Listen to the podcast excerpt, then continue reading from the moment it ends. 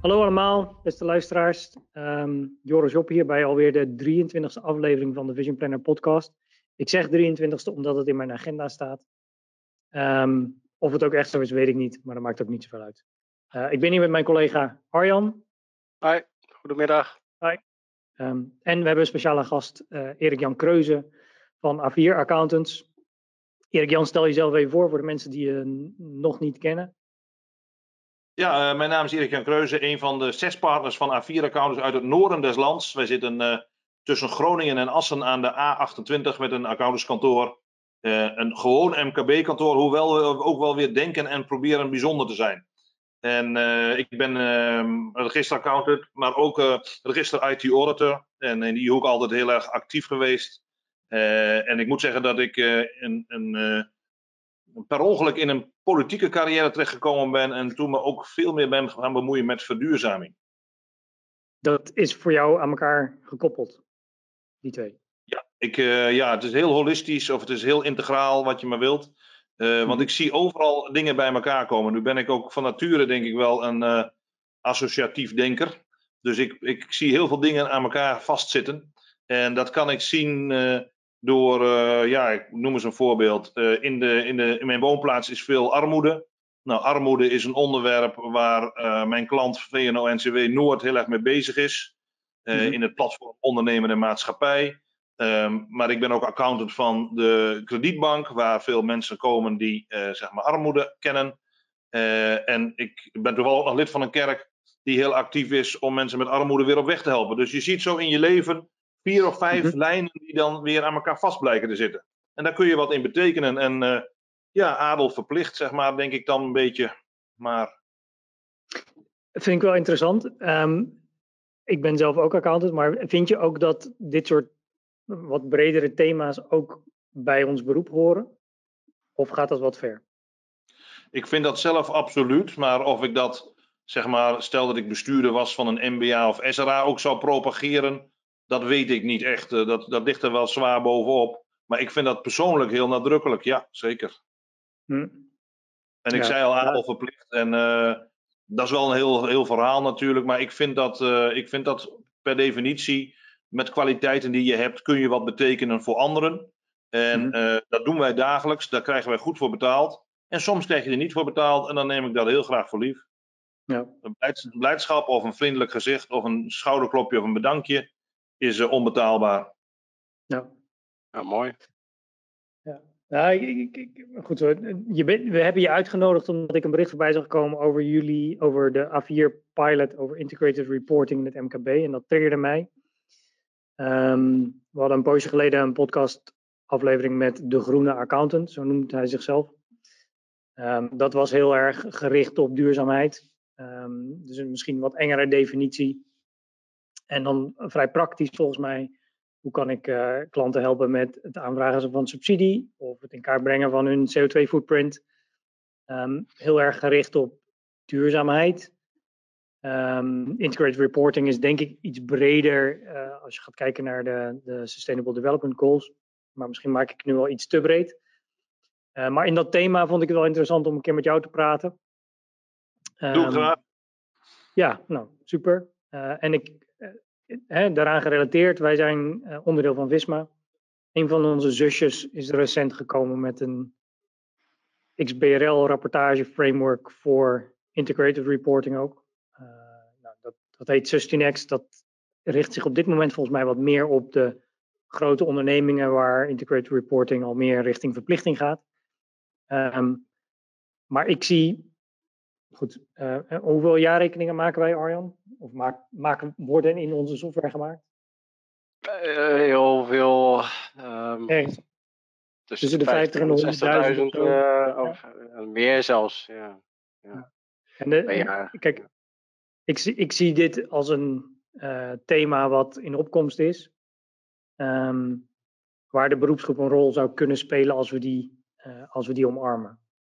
Um, nou, 2012, voor... Peter Bakker heeft het gezegd, de accountants will save the world. Uh, ik citeer ja. hem nog maar even. Ja, ja, ja. Ex, ex, uh, ex uh, wat was het, TNT? TNT. Ja.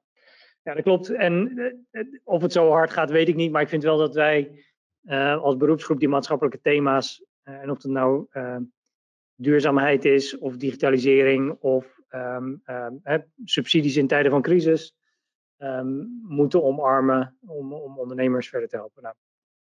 Nou, integrated reporting is nog niet super urgent volgens mij. maar nou, dat is maar net wie je vraagt, Joris. Oké, nou laten we daar beginnen dan. Hoe urgent is het?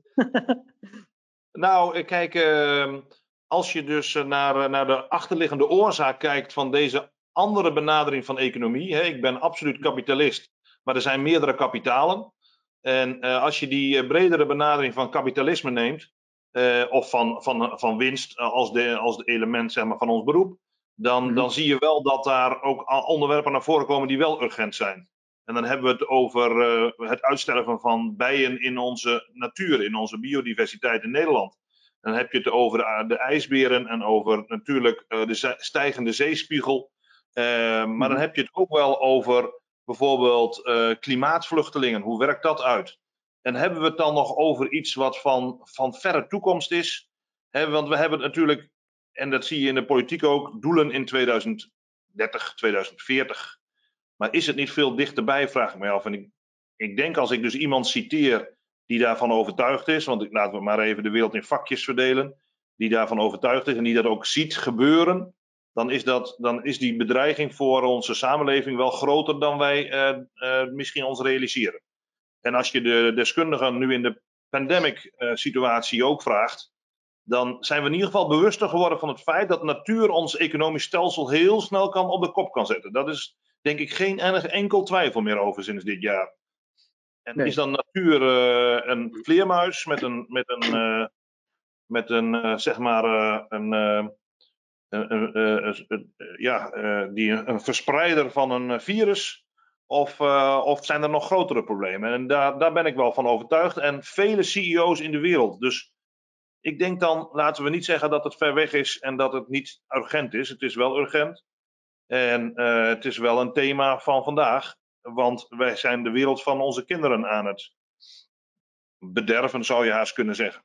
Hmm. En ik voel me daar ook mede verantwoordelijk voor. En ik probeer daar wat aan te doen als accountant. En uh, als je mij dan vraagt van hoe komt dat, zeg maar, dat je daar denkt dat de accountants daar een rol in spelen, dan geloof ik wel in die Peter Bakker die zegt transparantie is bepalend in het economisch stelsel.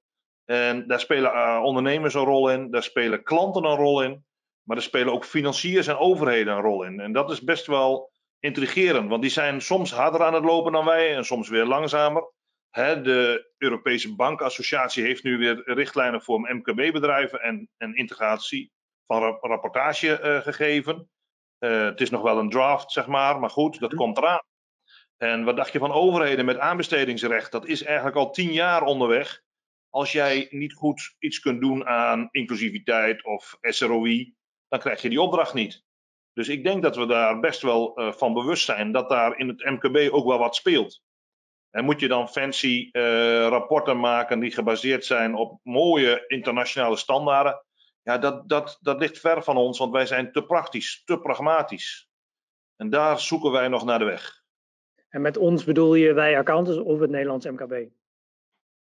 Uh, Nederlands MKB, maar die accountant speelt een belangrijke rol, want dat is de vraagbaak, vertrouwenspersoon, klankbord, uh, inspirator soms zelfs, of, uh, of, of gewoon een kennisbron. Want hoe doe je dat dan als zo'n overheid dat aan jou vraagt? Ga je dan je accountant bellen? Nou, ik denk het niet, maar als, die, uh, als er dan toch verplichtingen zijn in de rapportagesfeer, dan komen wij in ieder geval in beeld. Hoop ik. Anders is ons beroep misschien helemaal, uh, laten we zeggen, minder interessant aan het worden. Dan hebben we zitten navelstaren op IFRS en, en de RJ. en zijn we vergeten om naar buiten te kijken, bedoel je? Ja, waarbij ik overigens wel dacht, ehm, als je kijkt naar de regelgeving rond de integrated reporting, dan krijg je daar ook al eh, allerlei IFAC-achtige standaarden op je af. Of de ISO-normen, of GRI, of Integrated Reporting standaarden. Mhm. Je kunt daar net zo goed in verzuipen als IFRS, zeg maar, als MKB-accountant. Dat is wel een dingetje. Ja, dat, dat geloof ik zeker. Um, maar toevallig schreef Jan Bouwens daar, denk ik, vorige week iets over. Dat hij uh, op accountant.nl, dat hij zei van ja, het winstbegrip is eigenlijk veel te beperkt en al die uh, externalities Hè, dus de, de milieuvervuiling of, of uh, uh, vergroten van de kloof tussen arm en rijk, die zitten niet in de resultatenrekening. Dus waar beoordelen we die ondernemingen nou op? Um, ik weet niet of die ook propageren dat we het winstbegrip anders maken. Um, nou, ik zou daarvoor zijn. Oh, dat gaat wel ver. Ik probeer daar maar gelijk een beetje scherp in te zijn, anders is zo'n podcast ook een beetje saai, maar ik ben daar, ja. wel, ik ben daar wel voor.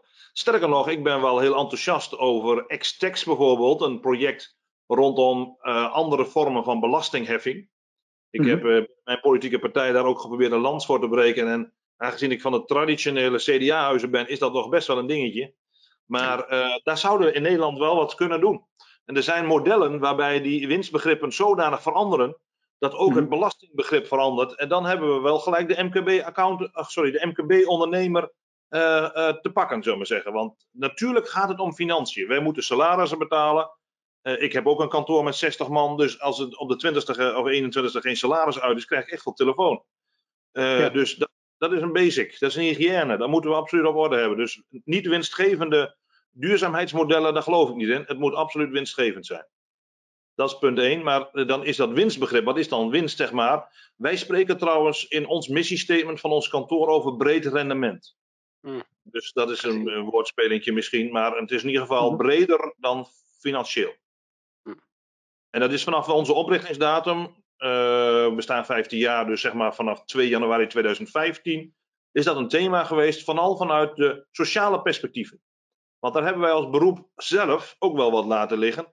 Uh, en uh, ja, ik weet niet. Ik ken diverse mensen die het beroep zeg maar, verlaten hebben omdat ze vooral vanwege de sociale component, de sociale eenzaamheid in het accountantsberoep, het verlaten hebben. En misschien ook te veel in het archief zaten, Joris. Daar hadden we net grappen over. Maar uh, het is in ieder geval zo dat ze niet geïnspireerd meer waren. En um, dat brede rendement wil dus zeggen. en ik zoek daar ook eigenlijk graag klanten bij. En niet alleen maar, want ik ben gewoon een MKB-kantoor en ik waardeer elke klant evenzeer. Maar ik probeer altijd wel, ook in mijn managementrapport, ik doe veel auditing, veel uh, controlewerk. In mijn managementrapportages probeer ik altijd even bij bestuursverslag stil te staan. En bij, um, uh, zeg maar, uh, wat voor doelen streeft u eigenlijk na? Waarom bent u hier op aarde? Zo, gelijk nog Zo. weer een term erin. Maar dat, uh, ik, ik, kan me voorstellen dat Wopke Hoekstra, toen je dat voorstelde om het belastingstelsel te, even te herzien, dat heeft, gelijk heeft het niet bereikt, denk ik. Daar ben ik, daar ben ik niet impactvol genoeg voor. maar die, maar die, die vraag van waartoe bent u hier op aarde? Um, ik weet niet wat jij, hoe jij dat herkent, Arjan, maar ik heb het idee dat uh, onze beroepsgroep niet zo heel comfortabel is met zo'n vraag. Nee. Hè, best, dat, uh, best onder, ja. Nee. Toch is de great, ja. great why is voor elke sector belangrijk, Arjen. Dus dat, ja, uh... ja, zeker. Dat, ja, dat is absoluut waar. Maar ik, ik, ja, ik vraag me af of dat uh, dingen zijn waar, ja, waar, waar de gemiddelde accountant uh, dagelijks mee bezig is. Ook, ook in het contact met, met, met klanten en in de klantbediening, zeg maar. Ja, maar er is nog wel een andere categorie stakeholder, Arjen, waar ik dan die ten wil voeren. En dat is onze nieuwe jonge medewerker.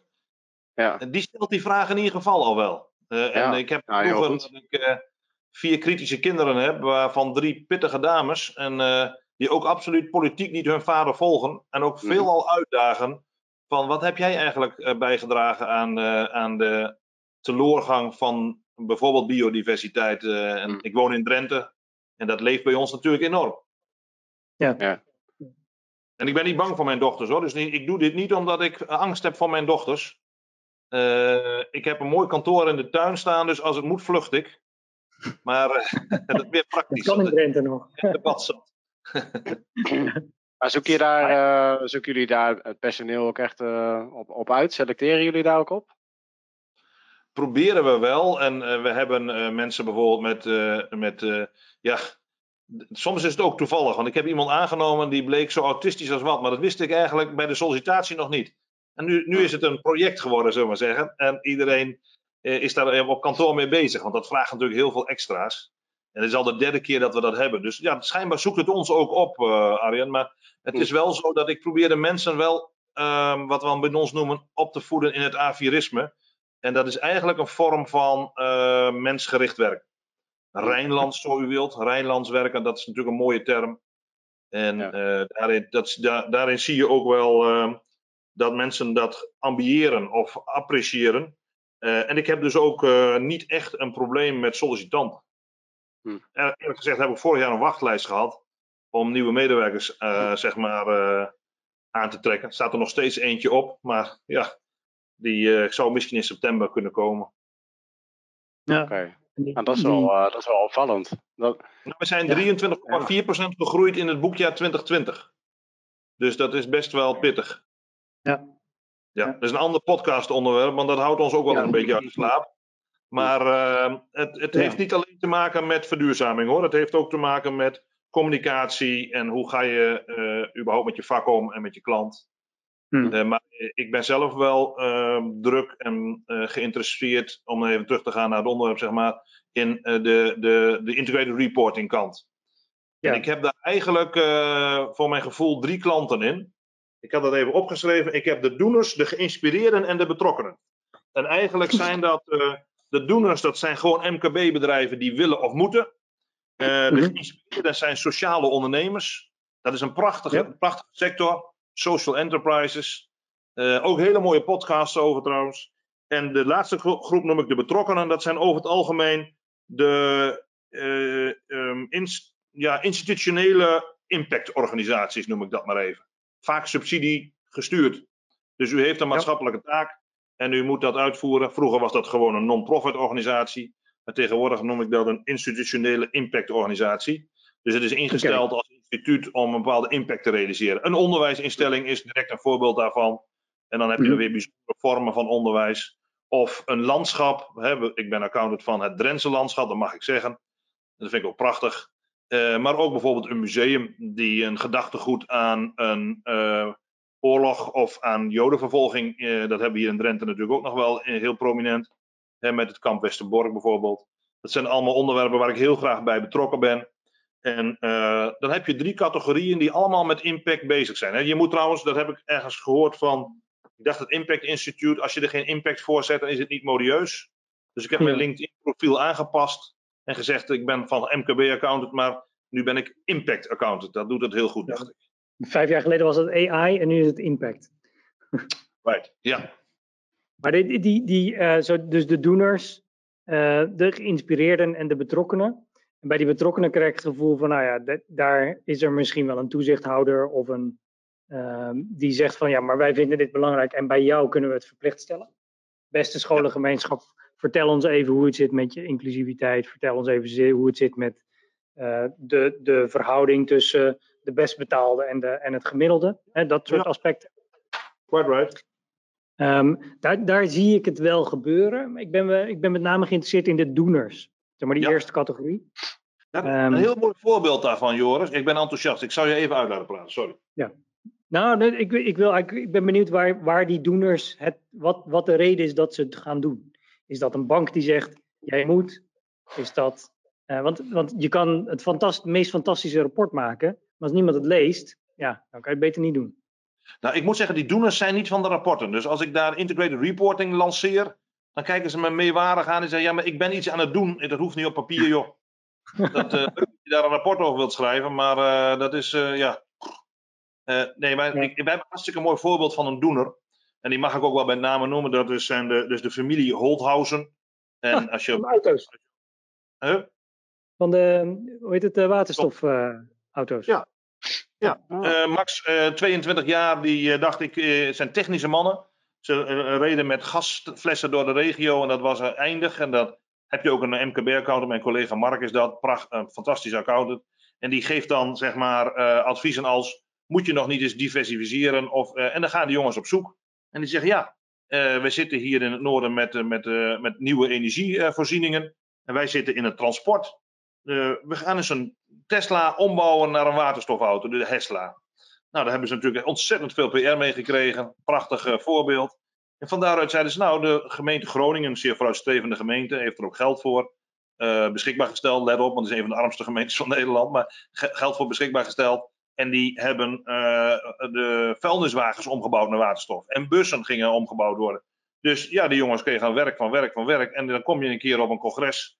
En dan voor je het weet zit Max 22 jaar in Japan op een congres van Hison vrachtauto's. En dan praten we over 1500 waterstofvrachtauto's voor een Nieuw-Zeelands bedrijf. En is er Mhm. een Winschoten, hè, dan hebben we het over Oost-Groningen. Dat is niet het meest ontwikkelde, economisch ontwikkelde deel van Nederland. He- Helaas, maar dat heeft niks met, met hard werken te maken. Want die mensen hebben hard gewerkt en er staat een prachtige fabriek zometeen. Ja. En dan, Ja, dan heb je dus een doener. Dat is een absolute doener. Die zijn gewoon vanuit techniek en inspiratie en kansen zijn ze bezig gegaan met waterstofvrachtauto's. Ja. Maar, maar eh, wat, wat, wat is er nou het voordeel voor een kantoor om daar dan ook ja, eh, op die manier over te rapporteren? Want je, je geeft zelf aan, het is een doener. En die klant die denkt zelf van, eh, nou laat mij maar lekker doen.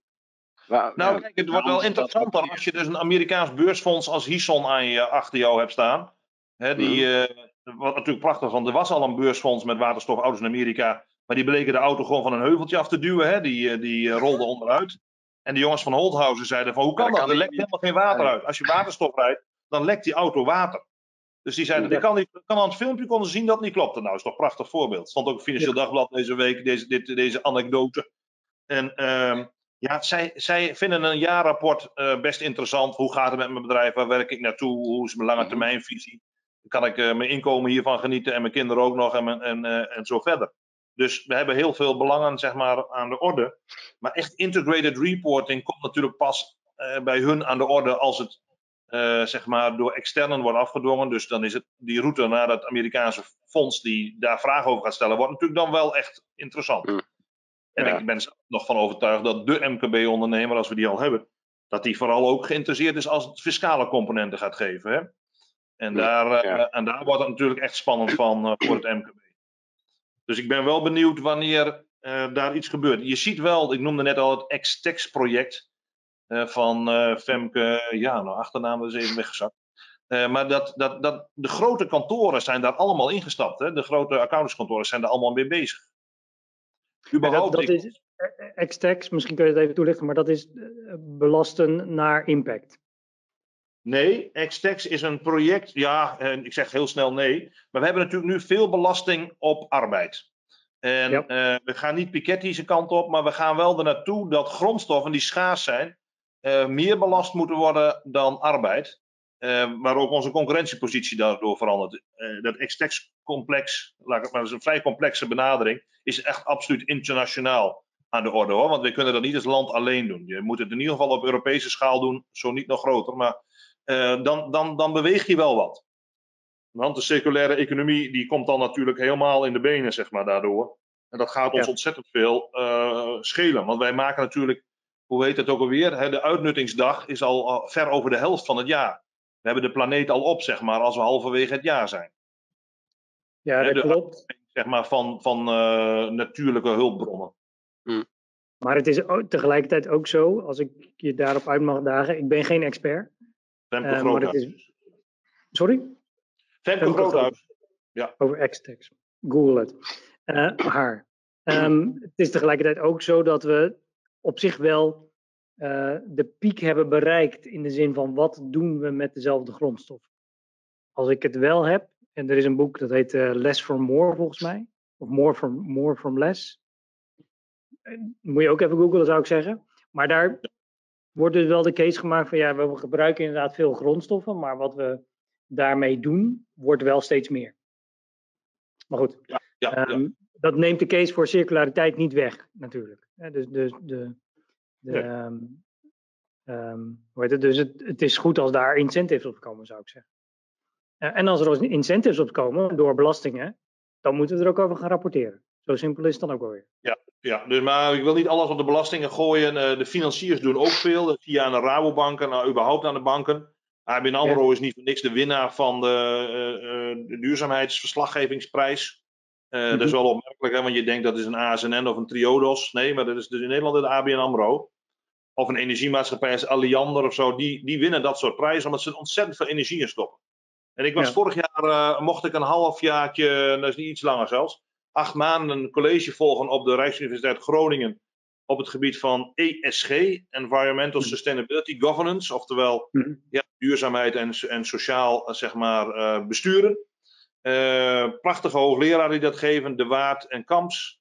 Eh, weinig MKB-accounts, eentje maar. moet je ook een keer uitnodigen, zou ik zeggen, David Boekel. Maar voor de rest waren het allemaal mensen van concerns en grotere instellingen. En die, ehm, die steken dus ontzettend veel geld daarin. En dat doen ze niet voor niks. En de, de, ik, ik, ik was onder de indruk van het feit dat een, een kantoor als EY nou, ik denk 70, 80 man op Sustainability Advisory en Assurance heeft zitten. Ook nog in die volgorde. Want dat is natuurlijk een onontgonnen markt. wordt heel veel advies in verleend. En minder nog. Uh, uh, nou ja, er is altijd limited uh, assurance. Hè, maar beperkte mm. zekerheid gegeven. maar er is wel in opkomst. Er zijn natuurlijk wel jaarrekeningen die gecertificeerd zijn. Ja. En voordat we daar in het MKB toe zijn, Joris, dan hebben wij allebei grijs haar. Daar zou ik blij mee zijn, want dan heb ik tenminste weer haar. Maar um, Nancy Kamps komt volgens mij van Ernst Young vandaan, toch? Of ja, ja, ik de Waard ook. Ja, maar wat ik persoonlijk lastig vind aan de discussie, als we het als accountants over dit soort dingen hebben, dan halen we altijd assurance erbij. Uh, en het lijkt haast wel alsof we eerder over assurance praten dan over de rapportage zelf. Ik denk, laat ons nou eens beginnen met gewoon te zorgen dat we iets te rapporteren hebben. Right, ja, ja, ja. Ik, dat betekent overigens, Joris, dat ik ook tegenstander ben van de vrijstelling van het bestuursverslag. Noteer dat ook even. is goed. Want daar moet het in terechtkomen, wil je zeggen. Ja, daar zou, want wij komen op het punt van wat is meetbaar. En hoe hmm. meet je dat dan? Uh, want dat is die assurance tak van ons beroep is daar natuurlijk volop mee bezig. Hoe kun je dat uh, dan ook auditen, zeg maar? Nou, interessante vraagstukken, nieuwe markten, nieuwe, nieuwe uitdaging. Ik vind het heel, heel leuk allemaal. Maar ik ben het met jou eens. Die, uh, de 99%, wat is het, van, uh, van de, van de, dikke 90% is in ieder geval van de bedrijven is MKB-bedrijf. En die, mm. die, zouden nog, die moeten nog kleinere stappen gaan zetten. Uh, en dan moeten ze ook willen. Daar moeten ze ook nut van inzien. En daar moeten ze ook aan, uh, zeg maar, aan willen bijdragen. Uh, en, dan, en dan moeten we niet verzuipen in heel veel standards, reg regulering. Nee. En dat, ik zie wel MKB-kantoren, leuke kantoren, daar echt praktische stappen in zetten. En die zeggen, ik, als ik ze dan spreek, en wij zoeken elkaar inmiddels wel wat op, dan zeggen ze mhm. niet van, ik ben tot in, het, in de finesse zo'n standaard aan het invoeren, maar ik probeer daar dingen uit te halen waar ik mijn klanten in mee kan nemen. Dus uh, geen cherrypicking, maar dat is kleine stapjes zetten. Ja. Ik ben overigens wel een voorstander van, ik zou wel mooi vinden als we een systeem kregen wat wel heel uh, integraal kan werken. En ik ben daar druk naar op zoek. Ik ben nu een pilot aan het draaien, twee pilots eigenlijk, om te kijken hoe je dat zou kunnen doen. Uh, maar dat doe ik inderdaad bij uh, in de categorie zeg maar betrokkenen, oftewel bij bedrijven en instellingen die al een maatschappelijke taak hebben. Namelijk ja. een, een, vereniging voor ondernemersbelangen en een stichting voor stimulering van de circulaire economie in Noord-Nederland dat zijn intrinsiek gemotiveerden die ook wel heel erg gesponsord worden om dit te doen. Dat noem ik dan betrokkenen, zeg maar. En bij, ik ben het met jou eens. Uh, de ondernemer die gewoon uh, via een baggerbedrijf zijn brood verdient, die heeft wel een iets ander perspectief. Maar ook daar speelt SROI bij elke aanbesteding een rol. Dat, dat weet ik uit eigen ervaring, hmm. want wij bedienen een baggerbedrijf. En dat is natuurlijk op zich gewoon letterlijk met de poten in de klei staan. Of ja, in het water in ieder geval ertussen. En uh, dan uh, zeg maar. Uh, ben ik er wel verbaasd over hoe zij bezig zijn met bijvoorbeeld mensen uit de katerbak zien te krijgen. Want ze krijgen opdrachten van gemeentes als ze mensen uit de katerbak kunnen krijgen. En dan hebben we een mooi gezamenlijk belang. Ja. Rapporteren ze daarover? Nauwelijks. Nee. Geen gang, ja, bij, die, bij, die, bij die klanten waar je nu die pilot toepast. Hè? Kun, je uitleggen hoe dat praktisch gezien, hoe, ja, hoe je daar invulling aan geeft dan? Nou, wij, je hebt dus allerlei standaarden voor uh, duurzaamheidsverslaggeving. En dat vond ik wat te zwaar. Dus ik ben op zoek naar meer een methode om ermee te werken. Hm. En ik heb twee methodes gevonden die, die ik kan toepassen. Eén uh, is de alombekende B Corp. Dus de, de, hm. dat is een, meer Anglo-Saxisch, meer Engelse benadering van dit onderwerp ook prachtig. Uh, in Nederland zijn er ook diverse bedrijven die die status hebben, maar ook hele kleine. En dat zoek ik natuurlijk. Hè. Dus in Groningen uh, zit een bedrijf, wat geen klant van mij is overigens, van Hully, die, die met mensen met acht, afstand tot de arbeidsmarkt, echt huis niet uit mijn mond zo moeilijk, maar uh, van overhemden boxershorts maakt. U kent dat voor, voorbeeld misschien wel. En die hebben een B Corp status. Dat is best wel prachtig als je met 25 man met 10 man staf of zo erbij, dus 35 in totaal, zo'n B Corp kunt krijgen. Dan denk ik, hé, hey, dan praten we over iets wat in het MKB kan werken. Dus dat ben ik de B Corp is een, een uh, rechtsvorm. Sorry? Nee, een certificaat, zeg maar, hè? Ja. Je wordt gecertificeerd, je, krijgt, je, krijgt, een labeltje als je het al aan, aan, alle, aan de voldoende normstelling kunt voldoen. Maar dat betekent dat je een, een maatschappelijke doelstelling moet hebben, geen winstoogmerk. Zijn dat de criteria? Nee. Nee hoor, uh, dat zie je wel bij bepaalde governance codes. Hè, bijvoorbeeld de code Social Enterprise, die zegt wel iets over winstuitkeringen bijvoorbeeld. Maar de B Corp status is ook gewoon voor. Nutritia heeft een B Corp status en uh, onze vrienden van Alpha uh, Accountants hebben een B Corp status. Die lijken me niet non-profit, eerlijk gezegd. Nee. nee, dat denk ik ook niet. Um, maar ik ben even op zoek naar. Maar goed, maakt niet uit. Het valt even buiten de scope van deze. Laten we even teruggaan naar de pilot. Je bent op zoek ja, naar een. De, dat is één. Wij, wij draaien op dit moment twee pilots. Eén is dus uh, om, om te kijken of je met B Corp uh, mooie rapportage kunt maken die de stakeholder waardeert. Hè? Want uiteindelijk is er wel een materialiteitsbegrip in uh, duurzaamheidsverslaggeving. Namelijk mm. wat, wat raakt de besluitvorming van de stakeholder. En dat is wel een interessant form, format. Want wij zijn als MKB-accountants ook door, laten we zeggen, Novax of SRA of zo opgevoed in een materialiteitsbenadering. Maar die mm -hmm. moeten we nu helemaal heruitvinden. Dat is in ieder geval al een prachtige stap, dat je met die stakeholder aan de slag moet. En het andere het pilot, pilot die wij draaien, dat doen wij op basis van de Economy for the Common Good. En dat is een Duits model. Dus uh, de B Corp is een Anglo-Saxisch model, zeg maar. En de Common Good is een Duits model. Dus ik hoop ook een beetje dat ik daar de verschillen tussen Anglo-Saxisch en Rijnlands, zeg maar, in kan ontdekken. Om te mm -hmm. kijken past mij nou het beste? Wat past mijn klant het beste? Ja. Wat past de stakeholder het beste? Ik ben dat aan het uitvinden. Maar dan, je gaat met die stakeholder. Er zijn er nog meer accountants dat aan het uitvinden. Dus we moeten vooral de koppen bij elkaar blijven steken. Ja, het zou wel goed zijn als daar ja, in het accountancy domein zeg maar wat best practices zo. Uh, ja, ja, de NBA is daarmee bezig, maar ook de SRA heeft een, een, een commissie, heet dat geloof ik in het jargon, hè, of een platform, een club, hm. die daarmee bezig is. En uh, Okay. Ik moet de eerste vergadering nog bijwonen. Ik vergader me rot omdat ik in de politiek zit, in de gemeenteraad. Hmm. Dus ik ben uh, eigenlijk allergisch voor vergaderingen, maar goed. Ja. Maar die pilot, je gaat met stakeholders aan tafel zitten. Waar ligt jouw interesse? Waar ligt jouw belang? En hoe kunnen we daarover rapporteren? Ik heb op beide projecten heb ik ook een afstuderen zitten. Een van de Hans Hogeschool, een van de NHL Stenden. En die doet mm. veel veldwerk voor mij. Uh, bij de, in dit geval mannen. Vorig jaar had ik een dame erop zitten, want het project lukt niet in één afstudeeropdracht. Dat is wel gebleken. Ja. Dus ik heb elke keer wel ruimte voor een afstudeerder. En de, de dame die het vorig jaar gedaan heeft, is overigens na de HBO uh, Finance and Control doorgegaan naar de masteropleiding Sustainable Entrepreneurship. Dat jullie niet denken dat accountants alleen maar, of uh, ja, BE-studenten heette dat vroeger, uh, alleen maar in de accountancy terechtkomen. Het is echt fantastisch. Hongerige geldwolven. Ken je die masteropleiding, Joris? Ken jij die? Ik niet. Uh, nog niet, nee. nee. Maar mijn zoon gaat volgens mij ook zo van Daar kun je een masterstudie in doen. Hm. Hey, maar en en um, uiteindelijk moet daar wel rapportage uitkomen. Nou, die beide methodes zijn eigenlijk, en dat maakt het weer leuk voor het MKB en voor mezelf ook. Uh, die beide methodes zijn ook methodes met gewoon een cijfertje. Daar komt gewoon een puntenscore uit. En die puntenscore zegt waar je staat. En daar kun je ook transparant zijn ten opzichte van anderen. En je mhm. kunt dat ook gebruiken zeg maar, om je, dat is natuurlijk het belangrijkste, een groeipad te bedenken. Namelijk, ik heb nu 600 punten. Common Good kan tot 1000 punten. Dus ik heb nog 400 mhm. ambitieruimte. En dat is ook heel klip en klaar duidelijk. En dat spreekt mij wel aan. Want als ik met GRI moet gaan werken, dan ben ik echt honderden pagina's verder. En heb ik elke MKB-ondernemer achter mij verloren. Ja, niet Met zo'n score zou je, moeten, zou je moeten benchmarken, Joris. Ja.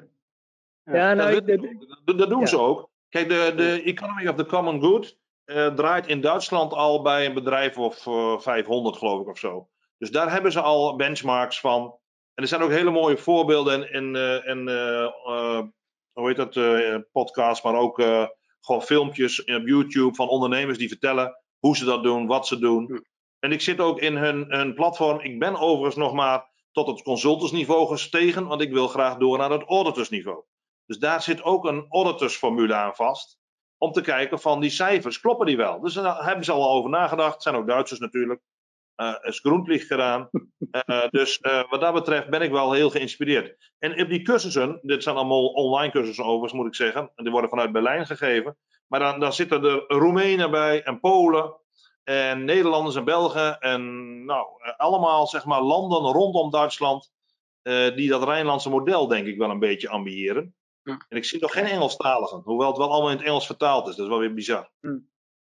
Oh, nee, tot onze ploegen, want ik weet niet hoe jouw Duits is, maar de van mij is nog niet zo top. Mijn is geweldig, mijn vrouw is namelijk Duits. Ach ja, wonderbaar. Ja. En uh, als je er meer wijn in giet bij mij, dan wordt mijn Duits ook steeds beter. Maar dat, uh, dat bewaren we voor thuis. Voor je ook um, terug. Dat is een ja. Hey, maar die, die score die weegt dan allerlei aspecten mee. Dus uh, circulariteit, uh, milieu-impact, uh, diversie of inclusiviteit. Ja, is dat.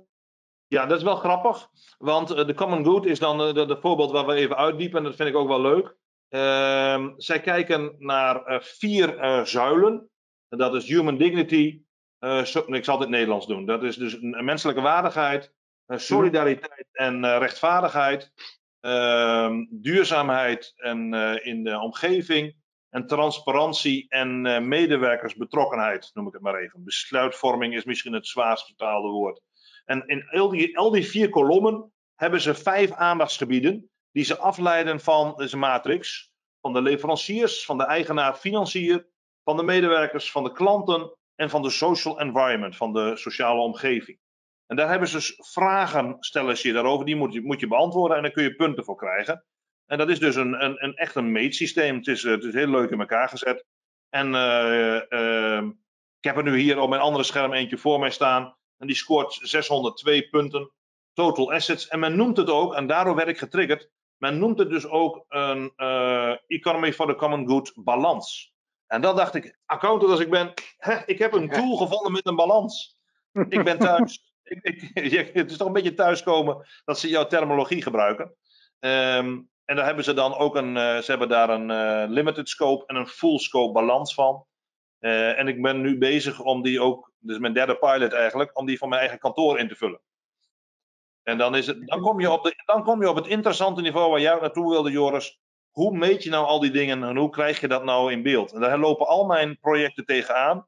Want je kunt die CO2-uitstoot van je auto nog wel berekenen als je je kilometerstand bijhoudt.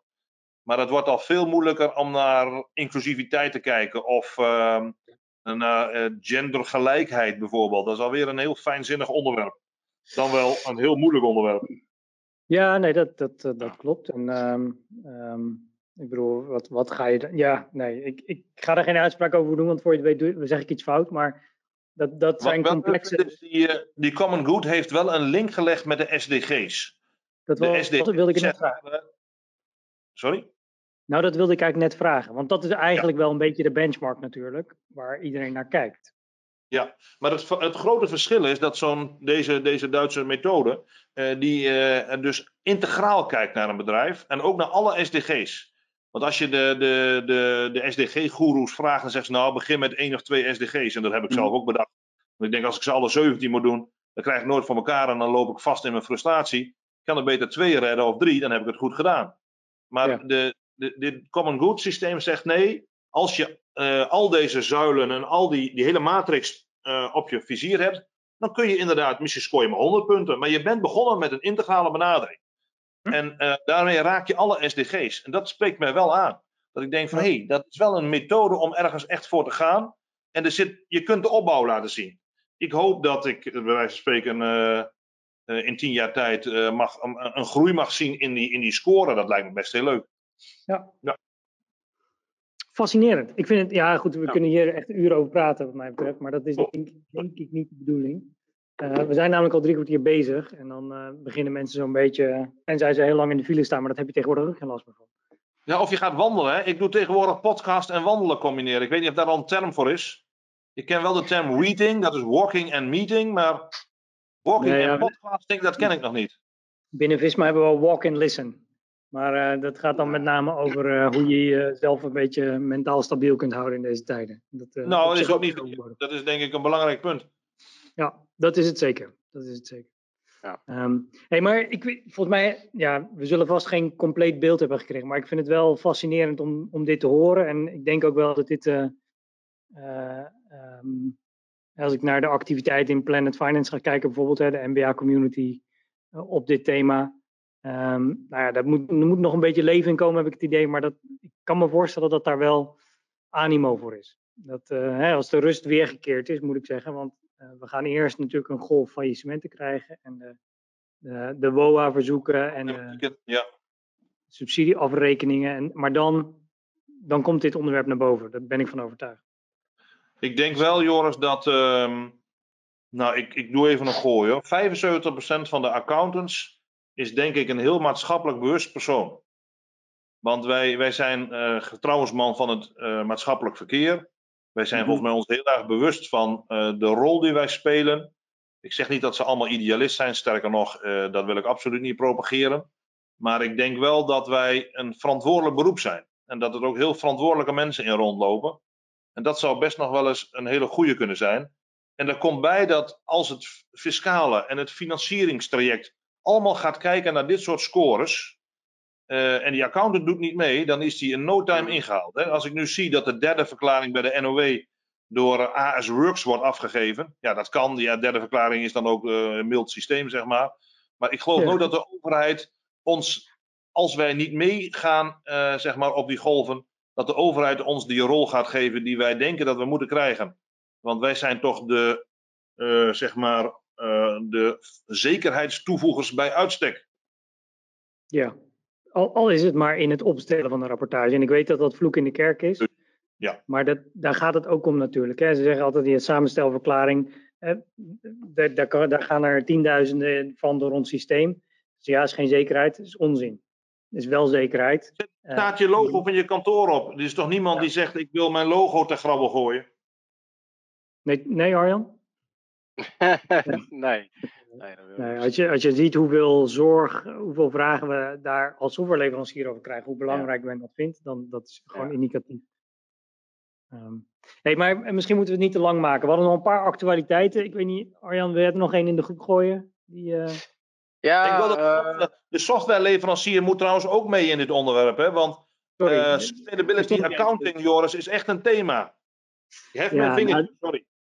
Ja, dat mag, dat mag. Nee, ik denk, ik denk ook dat wij hier een verantwoordelijkheid um, Een uitdaging. Uh, dat is absoluut een uitdaging. Ik ben ook blij dat Visma met Sustinex een eerste stap heeft gezet. Uh, maar dat is een ander segment. Uh, maar ik denk ook wel dat wij als dashboardleverancier bijvoorbeeld, al gaat het maar over CO2-rapportages, al gaat het maar over zo'n, het visualiseren van die scores en de trend in zo'n score en, en ondersteunen bij hoe ga je daar? Ja, dat zijn wel dingen waar ik um, persoonlijk heel erg enthousiast van word. Um, ik weet niet wanneer de business case gaat ontstaan, maar dat, ja, misschien moeten we wel uh, daar een voorschotje op nemen. Dat, uh... Veelal hebben de softwareleveranciers de MKB-account geholpen. Ook op dit vlak zou dat wellicht kunnen. Maar Arjen, ik onderbrak jouw actualiteiten uh, inbreng. nee, dat geeft niet. Uh, nou, nee, misschien ook wel een beetje gerelateerd, maar wat je, wat je rapporteert aan stakeholders, dat verschilt nog wel uh, van uh, wat, je, wat je ook openbaar publiceert. En ik, ik, las van de week een artikel in NSC. En daarin kwam naar voren dat, dat ja, multinationals op dit moment profiteren van het feit dat we die publicatiejaarrekening zo uitgekleed hebben. We hebben in 2016 hebben we het onderscheid gemaakt tussen micro, uh, micro-ondernemingen en kleine, kleine ondernemingen. En uh, met name de, ja, de brievenbusfirma's van de grote multinationals, die, uh, ja, die vallen nu in, dat, in die categorie micro. Omdat, die, ja, omdat er veelal alleen maar dividendopbrengsten zijn, renteopbrengsten, geen omzet, ze hebben ook geen mhm. personeel in dienst. Dus ja, die jaarrekening, daar staat nu niks meer in. En uh, op dit moment is eigenlijk niet meer te controleren. Um, ja, um, waar, ja, of er Wat nog uh, bijvoorbeeld winsten doorgesluist worden naar het buitenland. Nou, het sluit heel mooi aan op ons eerdere onderwerp. Namelijk, transparantie is wat ja. uh, de world, eh, dat maakt de, de world go round, zullen we zeggen. Als je, als we uh, die transparantie niet op orde krijgen, kunnen de consumenten geen keuzes maken, kunnen financiers geen keuzes maken. En dat willen ze graag, uh, want ze willen allemaal bijdragen aan die verduurzamende wereld. En dit is dus helemaal contrakeur, zeg maar, een ontwikkeling waar we het net over hadden. Ja. Save, zeg maar tax havens of brievenbusfirma's of ook, laten we zeggen, micro-rapportages. Ja, het is volledig tegengesteld aan de toenemende transparantie die afgedwongen wordt. En als je dus filosofen vraagt, dan zeggen zij ook: de wereld is na de opkomst van de internettechnologie vele malen transparanter geworden. En uh, als je kijkt wat onze kinderen weten en leren en bijhouden, en hoe snel ze informatie tot zich krijgen, alleen al door het apparaatje in hun hand, dan, dat is al 10, 20 keer anders dan uh, toen wij studeerden en, uh, en onze voorouders, zullen we zeggen. maar dus daarin, transparantie is wel een sleutel om dat economische principe om te draaien. Want anders kunnen we alleen maar op basis van financiën werken en niet op dat brede rendement waar we het net over hadden. Hm? Ja. De ontwikkeling ja. die jij schetst, Arjen, dat is, dat is waar, we, ja, waar, waar tegen opgetreden zou moeten worden. Ja. Het, het, ironische is ook nog dat het eh, bedoeld was voor lastenverlichting en het is maar de vraag of ze dat überhaupt bereikt hebben. Het uitkleden van de rapportageverplichtingen. De, ja. de dossiervorming uh, moet nog steeds uh, is, moet nog hoeveel, hetzelfde hoe, blijven. Precies. En Arjen, hoeveel, en, en Joppe, Joris, hoeveel uh, uren besteedt nou een MKB-accountant aan het publiceren van een document? Dat is, dat is, nou, fiscalisten zeggen dat is een druk op de knop. Dat is in ieder geval, zou niet veel tijd moeten zijn. Nee. Nee, en de administratie moet je toch voeren. Ja, en een rapportage heb je al voor de interne stakeholder gemaakt. Dus dan is er nog een slap aftreksel, wat wij een publicatierapport noemen. En ik zei u al, in die, in die eh, kleinere jaarrekening ben ik tegen het vrijstellen van het bestuursverslag. Schrijf maar op waar je voor staat. Hm. Doe dat maar in je jaarrapport. Leg ze maar eens tien jaar naast elkaar en dan gaan we een bedrijf waarderen. Dat lijkt me interessant. Ja. Maar dan vind ik ook wel dat dat bestuursverslag ook wel onderdeel moet zijn van, uh, van de rapportage. Want je, volgens mij mag je nu ook een tekst opnemen. Ja, het bestuursverslag ligt ter inzage op het uh, kantoor van, uh, ja. van de onderneming. Ja, ja, dus in alle eerlijkheid, ik predik hier natuurlijk een heel streng beleid, maar met mijn klanten praat ik dan al over. Zou je niet eens een bestuursverslag maken? Want dat geeft veel inzage in je cijfers. En dan ja. ben ik al wat milder, want dan moet ik dat in een overtuigende sfeer brengen. Hè? Ja. ja. Ja. Hey, um, misschien uh, ter afsluiting. Ik had nog één actualiteit, maar dat, is, dat heeft natuurlijk alles met kapitalisme te maken. En dat, was uh, de, de, laatste financieringsronde van een uh, software. Nee, ik zou moeten zeggen van een accountants- of administratiekantoor. Dat heet Pilot in de US.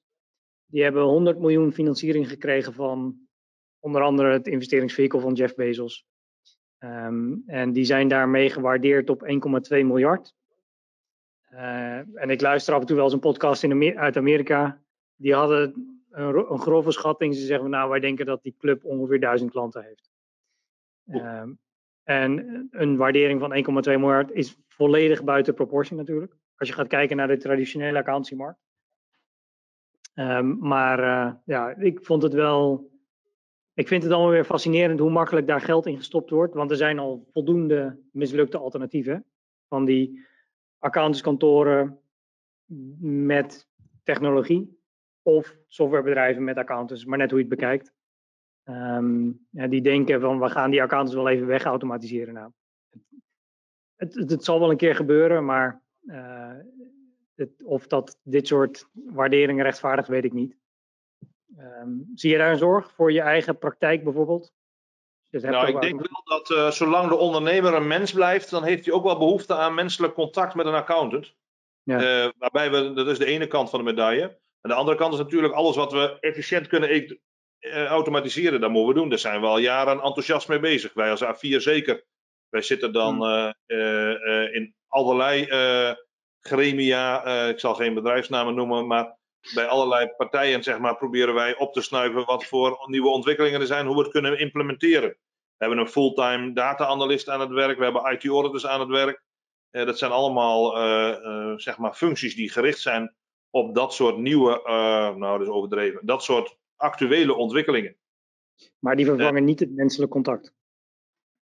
Nee, mijn motto is mensen voor cijfers. Dat is de, de payoff van mijn kantoor, zeg maar. En dat Mhm. betekent dus dat wij mensen altijd nog belangrijker vinden dan cijfers, of IT of automatisering. En ja, we hebben natuurlijk, ik heb het genoegen gehad om eh, eh, ooit te mogen meehelpen eh, bij EY aan de, zeg maar, ehm, dat noemden wij, zeg maar, de, de, de, de, de, de- het bewustzijn van de e-commerce bubbel, zeg maar. En de e-commerce kansen, moet ik zeggen, toen nog. Maar die bubbel is natuurlijk wel her en der gebarsten. En ehm, dat soort eh, irreële eh, economische ontwikkelingen, ja, dat, eh, dat is wel een, een vreemd iets. Hmm. Ik kan me voorstellen, ik kan, ik kan me bedrijven voorstellen die ik veel meer zou waarderen om hun langjarige bijdrage dan het korte shareholder principe. Dat is wel een lelijk ding. Ja. En als ik dan hoor dat, we hadden het even over die waterstofvrachtauto's, dat als jij een vrachtauto van een heuvel af laat rijden en dan ook, die haalde geloof ik ook over een miljard op de beurs op, ja, dan, dan is natuurlijk, eh, eh, ja, dat is gewoon fraude. Eh, en Ja. dan komen we ook op het fenomeen greenwashing uit, want dat is natuurlijk wel straks de nieuwe term. De komende jaren gaan we het daar ook veel over hebben. Volgende podcast. Hey, ter afsluiting, als jij ehm, eh, kantoren die dit onderwerp interessant vinden, maar niet weten waar ze moeten beginnen, als je één tip voor ze hebt, waar zou je ze dan naartoe sturen? eentje maar, jammer, jammer. Ja, ja. Eh, nou ja, NBA en SRA hebben daar dus, zijn daar dus druk mee bezig.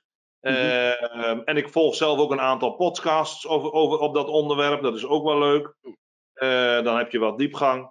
Ja, en ik ging, sinds dat ik politicus was, maar dus, nogmaals, dat is een toevallige samenloop, ging ik altijd naar het congres van socialenterprise.nl. Want ik vind duurzaamheid belangrijk en biodiversiteit, maar ik heb nog steeds iets meer voorliefde voor mensen. Ehm, en ik, ik, ik ben ook dan zeer geïnteresseerd in de sociale component van dit alles. Daar ben ik mijn kantoor in begonnen en dat proberen wij zo te houden. En dat, ehm, dat probeer ik ook bij mijn klanten te vinden. Hm. Dus eh, daar eh, socialenterprise.nl, Willemijn Verloop, bekend van Wordchild, eh, dat soort inspirerende mensen, die, die probeer ik ook wat van te luisteren, te volgen, te lezen. Ja. En natuurlijk Pieter. En natuurlijk, ja, daar gaan we nu maar, dat ligt, ligt vrij gevoelig denk ik bij sommige mensen. Nee, maar ehm, dat lijkt me een mooie afsluiter, eh, Erik Jan. Ehm, Ja. ehm, Enorm bedankt voor je bijdrage. Eh, Ja, als mensen jou zoeken, waar kunnen ze je vinden? En mijn blog is kreuzeman.nl. Kreuzeman, Oh. K-R-E-U-Z. U-M-A-N.nl. Ja. Hartstikke goed. Maar eh, Dank. kan ook gewoon op a4.com. Hartstikke leuk kantoor uit het noorden des lands. En eh, op weg om ook het leukste IT-audit kantoor van Noord-Nederland te worden met eh, zeven IT-auditors. Dat is ook al top. Dus eh, ja, Respectabel. Respectabel. ja vier RE's hoor. Dus vier RE's en drie assistenten. Maar als je daar wil solliciteren, kom je op de wachtlijst, heb ik net begrepen. Dus dat. Ja, ja het, het Bredero zei het kan verkeren. ja, het kan verkeren. Je weet niet hoe het volgend jaar uitpakt. Nou ja, dat, ja, dat zullen we zien. En eh, het ene jaar hoeft het andere niet te zijn. Want eh, ik zei al, de volgende podcast kan ik ook met jou meegaan over hoe ga je om met een sterk groeiend accountantskantoor. Dat is eh, mijn andere nachtrustprobleem. Dit schrijven we op, ja, want dat is, er zullen ongetwijfeld ook mensen zijn die daar. misschien dat we. Ik, ik, ik, ik heb iets in gedachten. Sollicitatie bij jullie hoor. Nee, nee, nee. Ik, heb, ik ken jouw volledige tegenpol. En het lijkt me leuk om die eens een keer, eh, jullie beiden eens een keer aan tafel te zetten. Eh, balance is everything. Dus eh, als je complementair bent, dan is dat eh, altijd versterkend. Gaan we eens even kijken. Alright. Leuk. Dank voor je bijdrage. Ja, Ehm, dankjewel. Ja, Arjan, jij ook bedankt. En eh, nou, dit was de 23e aflevering van de Vision Planner podcast. De tweewekelijkse frequentie halen we niet helemaal, maar we doen ons best. Ehm, dus eh, hou het in de gaten op YouTube, ehm, Spotify. Spotify, Apple Podcasts. Eh, je mag een review achterlaten als die vijf sterren is. En verder eh, horen we het liever niet. Maar eh, voor nu wens ik jullie, ik weet niet wanneer je dit luistert, het is nu Goede Vrijdag. Dus hopelijk heb je een goede Pasen. En we spreken elkaar spoedig. Oké, Oké, Tot Samuel dan, die knipt de rest eraf. Ehm Erik Jan, dankjewel. Fijn weekend. En we spreken elkaar, spreken elkaar gauw. bedankt. Eens. Hoi, hoi. Doeg. Bedankt heren.